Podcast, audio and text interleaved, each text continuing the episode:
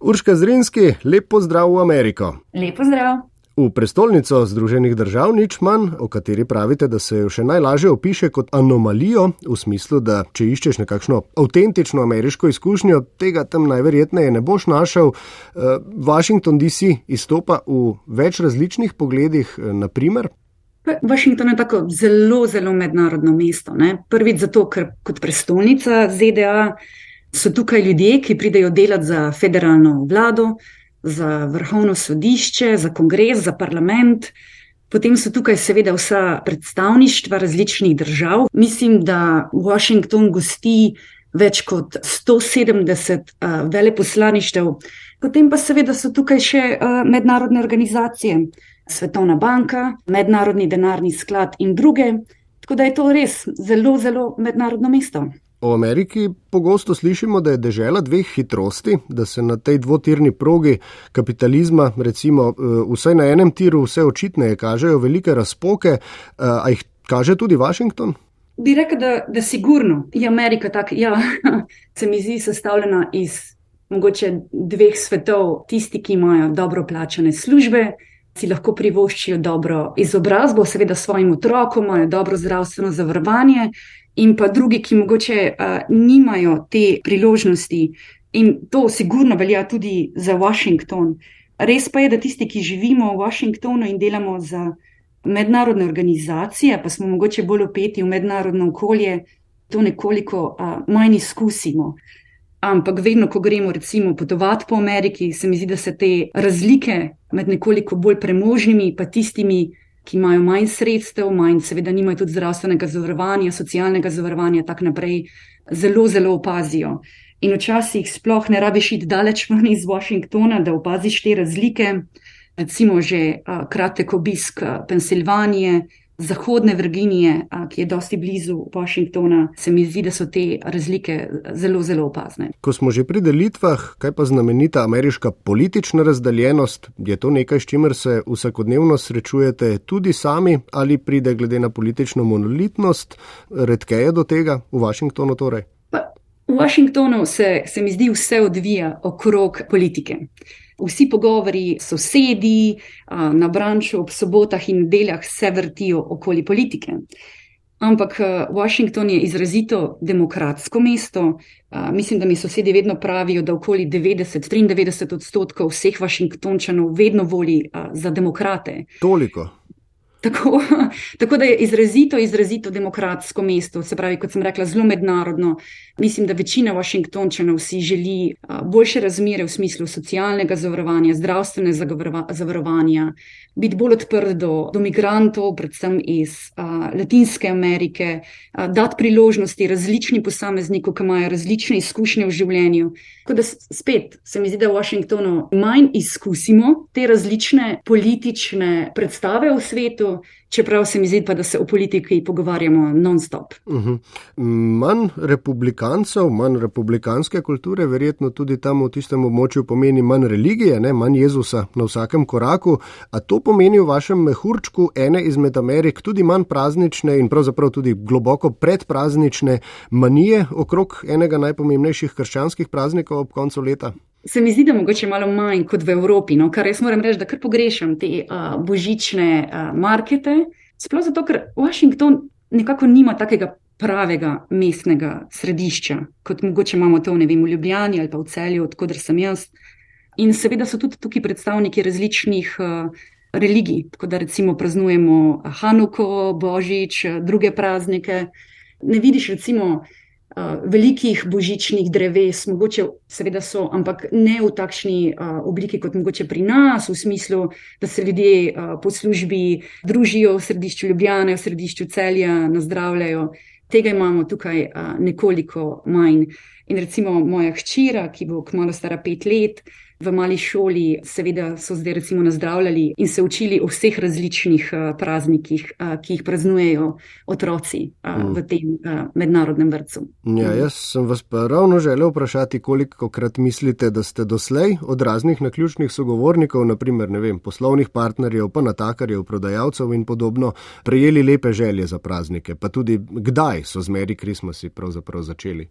Ja, um, v Washingtonu bojo ljudje zelo redko rekli uh, Merry Christmas, ne, vesel Božič, uh mhm. -huh. ampak um, ravno tega, ker je tako uh, mednarodno mesto in vedo, da so ljudje različnih verov izpovedi, uh, ponavadi si ljudje zaželijo samo vesele praznike. Uh mhm. -huh. In tako je tudi v službi z našimi sosedi.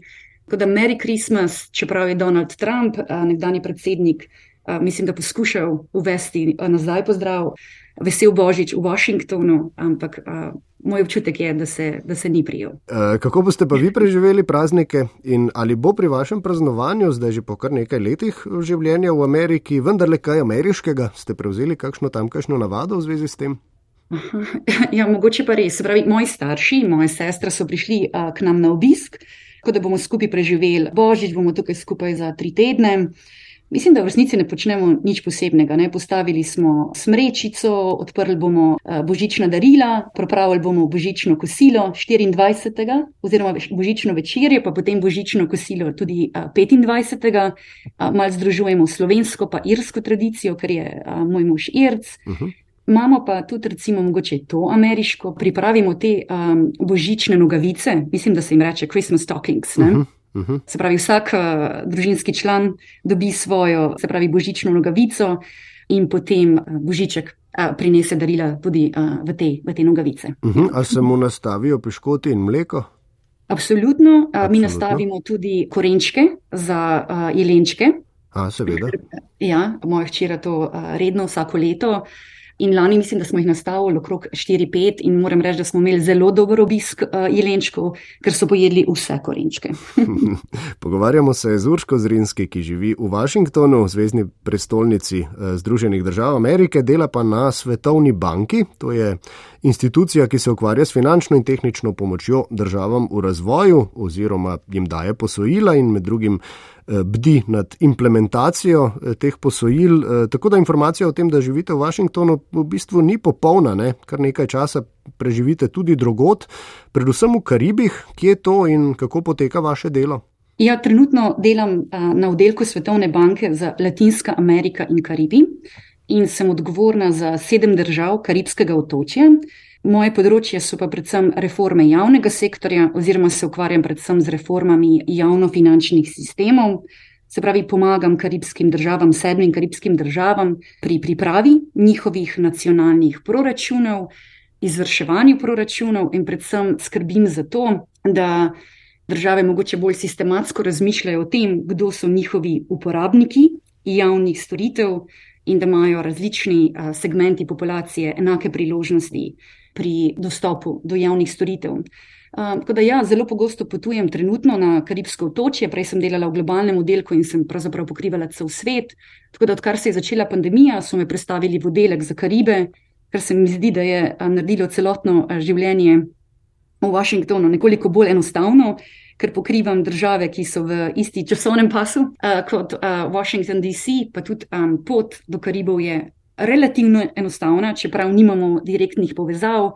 Tako da ponavadi v ponedeljkih zjutraj vzamem letalo do Miamija, iz Miamija pa potem do različnih otokov, recimo Grenade, Svete Lucije, Svetega Vincenta in Grenadino in drugih karibskih otokov, in potem v petek zvečer pridem nazaj v Washington, D.C.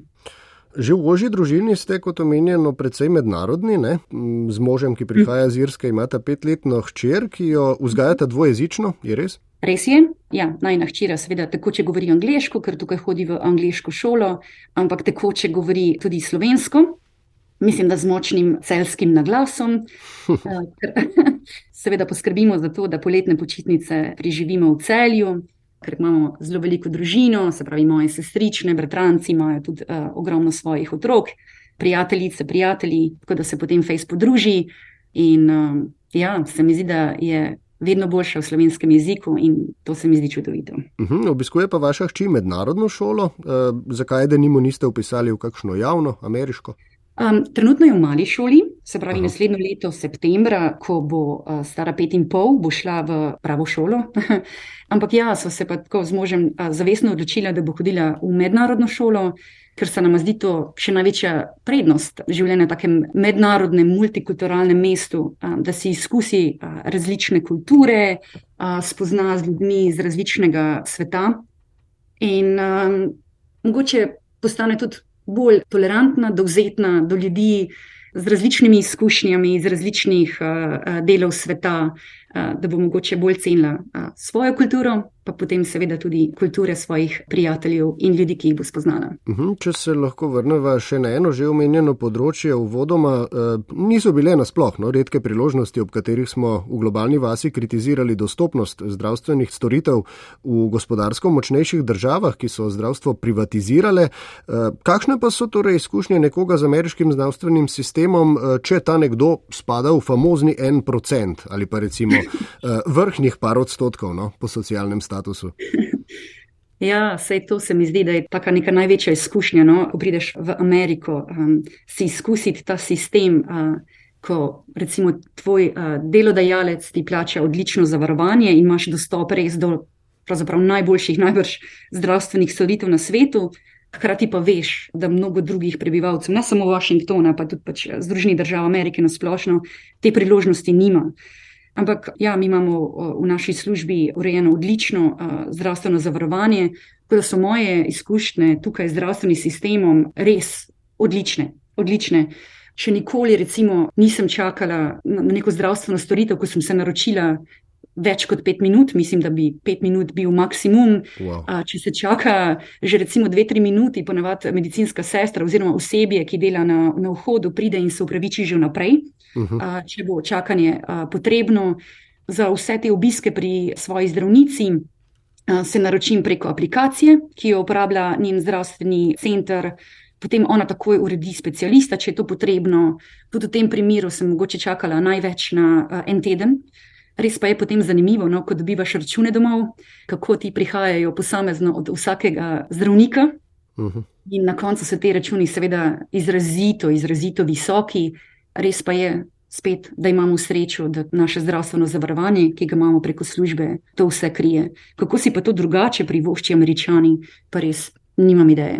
E, ko smo že pri socialnem statusu, pa teh vprašanjih, e, kdo je kdo, pa čigav in te reči, ste hči nekdanjega slovenskega reprezentančnega selektorja v košarki, Borisa Zirinskega. E, a s košarko ste še kaj povezani, menda tam čez lužo tudi neki slovenci igrajo? ja, to je res. Jaz sicer nikoli nisem igrala uh, košarke, moja mlajša sestra je. Ampak seveda, ker sem odraščala s košarko, mi je košarka tak, še vedno najljubši šport. Tako da redno gremo gledati tekme NBA tukaj v Washingtonu, seveda, predvsem, ko pridejo sem uh, slovenski košarkari. Na zadnje smo šli gledati, seveda, Luko Dončiča, ki je prišel sem z Dallas Mavericks, pa prej tudi uh, Goran Dragič z Chicago Bulls. Vedno prinesemo zraven slovenske uh, zastave, tako da face navijamo, pa upamo, da nas fanti vidijo oddaleč, pa moja hčera, moram reči, zdaj že res obvlada tisto uh, navijaško, kdo ne skače, ni slovenc in ni niti malo narodno, da se to na glas dere v veliki dvorani uh, v centru uh, Washingtona. Oddaleč ste rekli, da vidijo fanti zastave. Jaz sem bil prepričan, da glede na to, da ste dobro situirani, ne, da to pomeni, da navadno dobite tiste najboljše sedeže, tam tik po, eh, ob igrišču na parketu, tako kot sedita recimo vem, DiCaprio pa Jack Nicholson s svojimi LA Lakersi. Eh, pa kot zoren predin pri Olimpiji več ne more. No? Uh, ja, um, no, mislim, da splačo na Svetovni banki se to. Rekla, da se eno ne da, no. Mogoče v Washingtonu, ne vem, nisem še poskusila. Ja, nimamo zdaj ravno tistih uh, kart, čisto zdraven igralcev, ampak odvisno, katera ekipa pride igrati, recimo Washington. Če je to uh, Dallas Mavericks, so karte predvsej, predvsej drage, seveda zato, ker je Luka Dončić tako popularen. Uh, Aha. in tako uh, cene kart uh, poskočijo noro.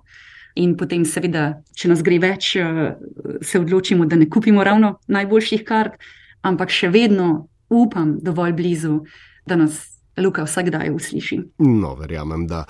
Če se vam pa urško življenje v Washingtonu ne nudi, kaj pogrešate in kaj je tisto, kar bi najbolj vplivalo na vašo morebitno odločitev o tem, da se kdaj v prihodnosti preselite še kam drugam? Jaz moram reči, da sem se recimo odločila za prihod v Washington, D.C., predvsem zato, ker sem dobila to priložnost, da se pridružim Svetovni banki in se mi je to zdela tako odlična priložnost. Sem imela pa tudi že prej v Sloveniji odlično službo. Delala sem na eni drugi mednarodni organizaciji, ki se imenuje Center of Excellence in Finance. kjer sem pravzaprav počela zelo podobno delo, ki ga počnem zdaj, samo da sem se osredotočila na države Zahodnega Balkana, Vzhodne Evrope in Kaukaza.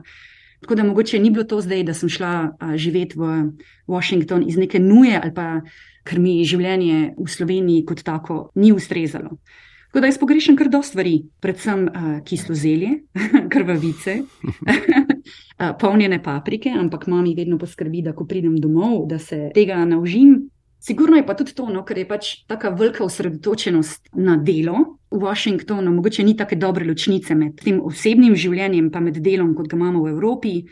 Pa ker smo tukaj, seveda, sami, ne moji starši, razen ko pridejo včasih na obisk, niso tu, predvsem pogrešamo to neko širšo družinsko življenje, to pomoč včasih, da bi seveda kdo popazil na, na hčiro, pa mogoče, da bi imela ona več stika z mojimi bratranci, sestričnami in, in njihovimi otroki. To pa sigurno pogrešamo, tako da se potrudimo, se pravi, vsako poletje, juli pa avgust, da pridemo v Slovenijo, pa se naužimo celja.